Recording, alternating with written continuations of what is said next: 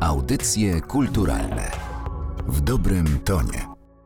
Przy mikrofonie Anna Karna. Dzień dobry. Dziś w audycjach kulturalnych zaprosimy Państwa na wielką wystawę prac jednego z najoryginalniejszych i najważniejszych polskich artystów XX wieku. Artysty totalnego, wizjonera. Witkacy, sejsmograf epoki przyspieszenia. Tę wystawę do 9 października można oglądać w Muzeum Narodowym w Warszawie. Gościem audycji kulturalnych jest współkuratorka tego wydarzenia Zofia Machnicka. Dzień dobry. Dzień dobry, witam Państwa. To ponad 500 prac z dziedziny malarstwa, rysunku, fotografii i performance'u, a nawet wideo. Nie jest to jednak chronologiczna podróż po kolejnych etapach twórczości Stanisława Ignacego Witkiewicza biografia artysty jest tu zupełnie na marginesie. Chcieliśmy pokazać Witkacego w nowy, świeży sposób i z tego względu zrezygnowaliśmy z narracji chronologicznej, która zazwyczaj towarzyszy e, wystawom mu poświęconym.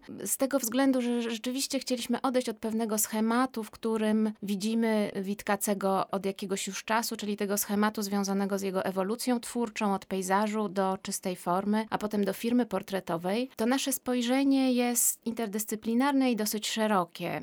Chcieliśmy pokazać Witkacego w kontekstach. Wiążemy jego twórczość artystyczną z jego refleksją, a także z kontekstami teoretycznymi, które wiążą go ze współczesnością. W związku z tym wystawa ułożona jest achronologicznie wokół tematów, które wydają nam się ważne, wybrzmiewają zarówno w twórczości artystycznej Witkacego, w jego refleksji i tak jak powiedziałam, ukazują go w taki sposób, który zbliża go do nas do naszej współczesności. Są to takie tematy jak kosmologię, ciało, ruch, jedność osobowości, pierwotna wizja e, artystyczna, indywidua na tle e, tajemnicy istnienia. W ramach tej e, ostatniej sekcji ukazujemy pewne socjologiczne zacięcie Witkacego. No i przede wszystkim bardzo ważna sekcja historia związana z, z refleksją historiozoficzną artysty. Pierwsza sala to kosmologia. Witkacy od zawsze interesował się astronomią i kiedy wchodzimy w tę salę, jednym z obrazów jest koziorożec i każdy z widzów może czuć się trochę odkrywcą, bo ten obraz to właściwie też sensacja wystawy. Tak, rzeczywiście jest to nieznana praca Witkacego, została odnaleziona w kolekcji Zamku Królewskiego na Wawelu. Dosyć niezwykła historia, bardzo cieszymy się, że możemy e, pokazywać ją e, no, w zasadzie po raz pierwszy. W tej części wystawy, którą nazwaliśmy Kosmologię, chcemy ukazać fascynację Witkacego nieskończonością, która jest obecna w jego rozważaniach filozoficznych, utworach literackich i właśnie w tych pracach, które zgromadziliśmy w tej sekcji wystawy. Ta jego fascynacja nieskończonością współbrzmi y, z kosmologiczną obrazowością jego malarstwa, w którym przejawia się dążenie artysty do takiego całościowego ujęcia istnienia i do zajęcia, powiedziałabym, kosmicznej perspektywy wobec zjawisk natury. We wczesnych kompozycjach astronomicznych Witkacy nadaje cechy antropomorficzne zjawiskom astrologicznym, takie jak mgławice, gwiazdozbiory. I rzeczywiście już tutaj wyraźnie widzimy ten jego sposób obrazowania, który będzie przejawiał się w późniejszych pracach, czyli pojawiają się te niezwykłe jednostki, takie, które przypominają e, postaci ludzkie, ale też zwierzęce, spotworniałe, ogromne, kolosalne postaci, które poniekąd e, powstają z materii e, kosmicznej. W późniejszych pracach, kompozycjach olejnych i pastelowych, wizje Witkacego stają się coraz bardziej złożone. Jesteśmy świadkiem właśnie tej takiej niemal eschatologicznej walki potworów, która może być metaforą tej wizji dziejów, jaką miał Witkacy. Jedna z największych fascynacji Witkacego to na pewno ciało. Ciało, które czasem nas przeraża. Jak rozumiał, jak widział ciało Witkacy.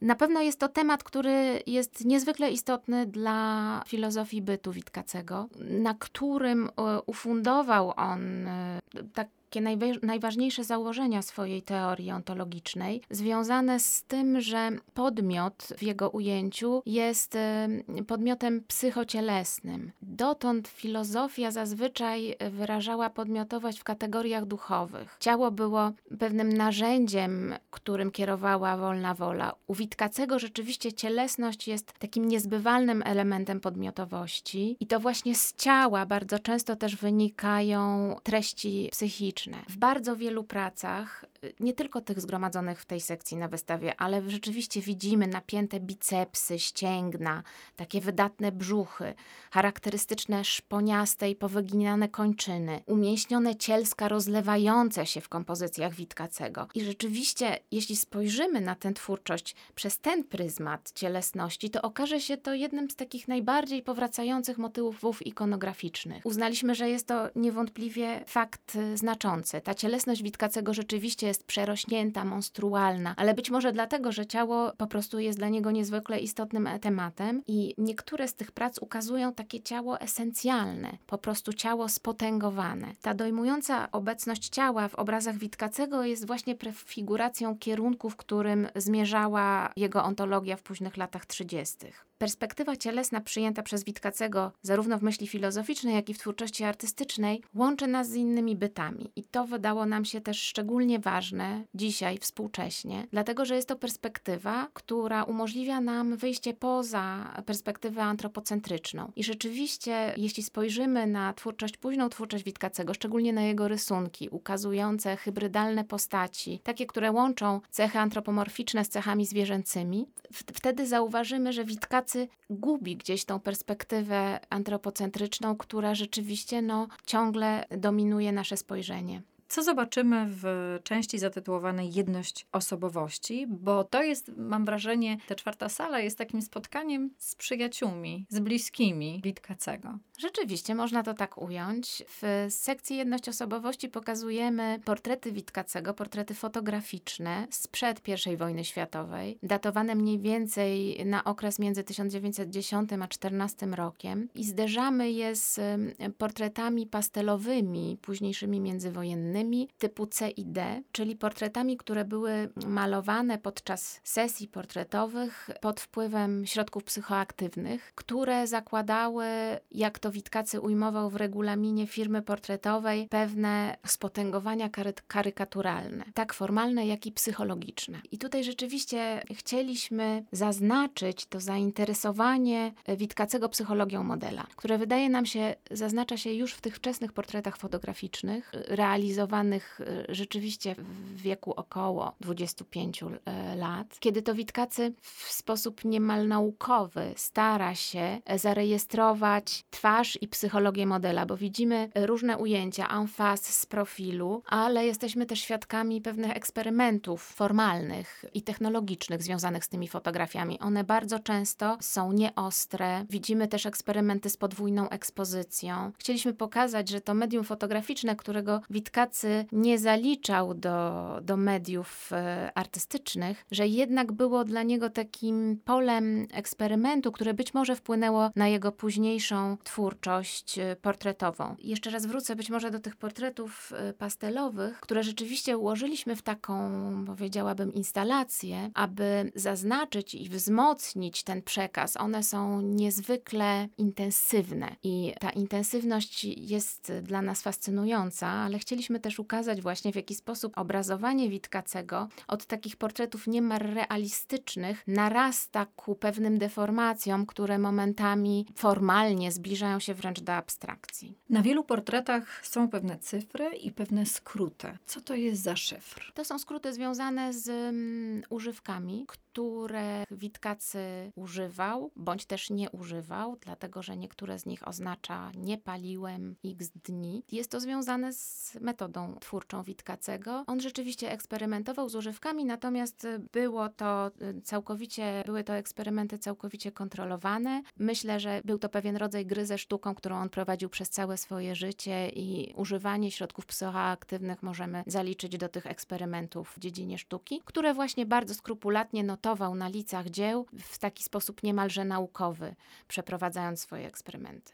Na jednej ze ścian widnieje obraz malowany na drzwiach, podpisany jako unikat. Co to za praca? To jest y, portret z kolekcji Muzeum Narodowego w Warszawie. Rzeczywiście jest namalowany na drzwiach szafy, szafki w zasadzie. I jest to praca, którą umieściliśmy w części wystawy poświęconej strategiom Witkacego, które w jakiś sposób wiążą go ze strategiami artystów ruchu Dada. To jest praca, w której wyraża się ironia i taki dystans do samego siebie i do swojej własnej twórczości, który charakteryzuje całą twórczość Witkacego. Jest to praca, którą pewnie zaliczylibyśmy do nieudanych, e, natomiast rzeczywiście Witkacy podpisuje ją unikat po pięciu latach bez olejnych. Jest to rzeczywiście ironiczna praca związana z, z faktem e, porzucenia sztuki istotnej przez Witkacego, co nastąpiło mniej więcej w 1924-25 roku, kiedy Witkacy rzeczywiście diagnozując taki głęboki kryzys kultury, uznaje, że sztuka istotna, czyli sztuka realizowana zgodnie z zasadami czystej formy, nie jest już możliwa, w zasadzie nie jest już potrzebna. Działania Witkacego, jego strategię artystyczną, pewna wielopoziomowa gra zarówno z rzeczywistością, jak i ze sztuką, mistyfikacje, które Witkacy wdrażał w życie, ściśle wiążą go ze strategiami artystów ruchu Dada, takimi między innymi jak Marcel Duchamp. I dlatego na wystawie pokazujemy pracę Duchampa, aby zwrócić uwagę na te właśnie zbieżności. Duchamp, tak jak Witkacy, notabene w mniej więcej w podobnym okresie, porzuca twórczość artystyczną dla gry w szachy i właśnie ten niezwykle znaczący i prowokacyjny gest łączymy z gestem porzucenia sztuki przed Witkacego i założenia firmy portretowej. Natomiast to, co nas interesuje, to właśnie to, że wspólnym rysem praktyk obydwu artystów jest ironia, wyrażająca się w tworzeniu mistyfikacji, kamuflażu, gry językowe, kpiny i złośliwości. I łączy ich też metoda przetwarzania materiałów gotowych. W tych obiektach prezentowanych w gablotach w tej sekcji widzimy wyraźnie, w jaki sposób Witkacy wkluczał w obszar sztuki obiekty codzienne i w jaki sposób tworzył takie wielopiętrowe mistyfikacje w ramach firmy portretowej między innymi, które zbliżały sztukę z życiem, a życie ze sztuką. Także ta granica między sztuką a życiem stawała się w zasadzie e, niezauważalna. Ta diagnoza Witkacego o tym momencie życia, o tej epoce przyspieszenia jest niezwykle krytyczna. I w sali pod tytułem Historia zderzają Państwo pracę Witkacego pod tytułem Walka i rąbanie lasu z 20 roku z obrazem Maxa Ernsta pod tytułem Barbarzyńcy z 37 roku. Wydaje mi się, że mamy taki obraz e, twórców związanych z modernizmem i twórców awangardowych, którzy są zafascynowani postępem technologicznym. Rzeczywiście wielu artystów w latach 20 20. czy 30. fascynowało się postępem. Natomiast istnieje dosyć szeroka grupa modernistów, którzy mają raczej pesymistyczną wizję dziejów, nawet powiedziałabym katastroficzną. Jednym z nich jest zdecydowanie Witkacy, ale staraliśmy się tutaj e, skonfrontować go z, z pracami innych artystów, których możemy zaliczyć do tego frontu katastroficznego, między innymi z Maxem Ernstem. Ten niewielki obraz barbarzyńcy jest niezwykle niezwykle w swojej wymowie silny i, i sądzę, że ta jego energia jest wzmocniona przez zestawienie z walką rąbaniem lasu Witkacego z kolekcji Muzeum Sztuki w Łodzi. Rzeczywiście Max Ernst był e, artystą pochodzenia żydowskiego i sądzę, że w tej pracy obrazuje on nie tylko doświadczenie I wojny światowej, ale pewne takie przeczucie zbliżające się katastrofy II wojny światowej. Witkacy też to czuł? Wydaje się, że mm, ta jego wizja dziejów no, związana jest z tym e, poczuciem nadciągającej katastrofy. I rzeczywiście zarówno w obrazach Witkacego obserwujemy ten spotworniały gatunek ludzki i taką niekończącą się walkę potworów. W podobny sposób ludzkość zobrazował Max Ernst. Na obrazie Barbarzyńcy widzimy dwie postaci, spotworniałe postaci, które są metaforą ludzkości i kierunku, w jakim ta ludzkość zmierzała. Zwiedzających żegna sala pod tytułem Indywidua, która, mogę tak powiedzieć, wydaje mi się pewnym odpoczynkiem. Ona jest bardzo ładna. Niewątpliwie, ale twórczość Witkacego wydaje mi się jest bardzo efektowna generalnie. To jest sala, w której zebraliśmy przede wszystkim portrety typu A i B Witkacego, czyli te, które nazywał wylizanymi, które związane są z, z pewną tradycją e, tego medium. No, portret powinien być reprezentacyjny. I to są właśnie te portrety reprezentacyjne Witkacego, które zamawiano u niego w jego firmie portretowej. One są y, niezwykłe z wielu powodów i chcieliśmy na to zwrócić uwagę. Ta sekcja następuje po sekcji wystawy związanej właśnie z katastrofizmem Witkacego. Ukazujemy w niej grupę portretów, która wydaje nam się jest powiązana z tą jego katastroficzną wizją dziejów, bo rzeczywiście, jeśli przyjrzymy się jego modelom, to zobaczymy w ich spojrzeniu pewną melancholię. Wydaje nam się, że one wyrażają tą pustkę, którą modele Witkacego pewnie odczuwały w związku z zanikiem uczuć metafizycznych i tą mechanizacją życia społecznego. W tej sali zwracamy też uwagę na pewne zacięcie socjologiczne Witkacego, na jego umiejętność oddawania szczegółów stroju, pewnej atmosfery epoki, to na pewno, ale kontekstualizujemy tutaj Witkacego niezwykle efektownym i pięknym portretem Rudolfa Schlichtera. Był to przedstawiciel grupy Nowej Rzeczowości, niemieckiej grupy artystów aktywnych w latach 20. i 30., którzy odrzucili taki ważny wtedy w Niemczech ekspresjonistyczny sposób obrazowania i zwrócili się w kierunku realizmu. Powiedziałabym momentami nawet hiperrealizmu. Jednym z ich ulubionych gatunków był portret. I to dzięki portretowi prowadzili taką bardzo aktywną e, krytykę społeczną. Krytykowali to, co w ówczesnym społeczeństwie niemieckim się działo i te zmiany, które wtedy w nim następowały, właśnie poprzez portret. Więc chcieliśmy w ten sposób zwrócić uwagę, że być może te portrety Witkacego nie są tak niewinne i niosą w sobie głębsze znaczenia niż tylko ta reprezentacyjność, na którą zazwyczaj zwracamy uwagę. I wreszcie ten ostatni portret, autoportret Witkacego wykonany na niespełna dwa miesiące, może miesiąc przed wybuchem II wojny światowej, a więc śmiercią artysty także. Tak, to prawda. To ostatni autoportret artysty z kolekcji Muzeum Narodowego w Warszawie. Widzimy na nim twarz Witkacego, już ponad 50-letniego człowieka, na tle żółtej pożogi. Ten autoportret wydał nam się dosyć wizjonerski i uznaliśmy, że jest to znakomita klamra, aby zamknąć wystawę i jednocześnie otworzyć ją na refleksję widzów. Witkacy, sejsmograf epoki przyspieszenia w Muzeum Narodowym do 9 października. Gościem audycji kulturalnych była współkuratorka wystawy Zofia Machnicka. Bardzo dziękuję za spotkanie. Bardzo Pani dziękuję, a Państwa serdecznie zapraszam na wystawę. Audycje kulturalne w dobrym tonie.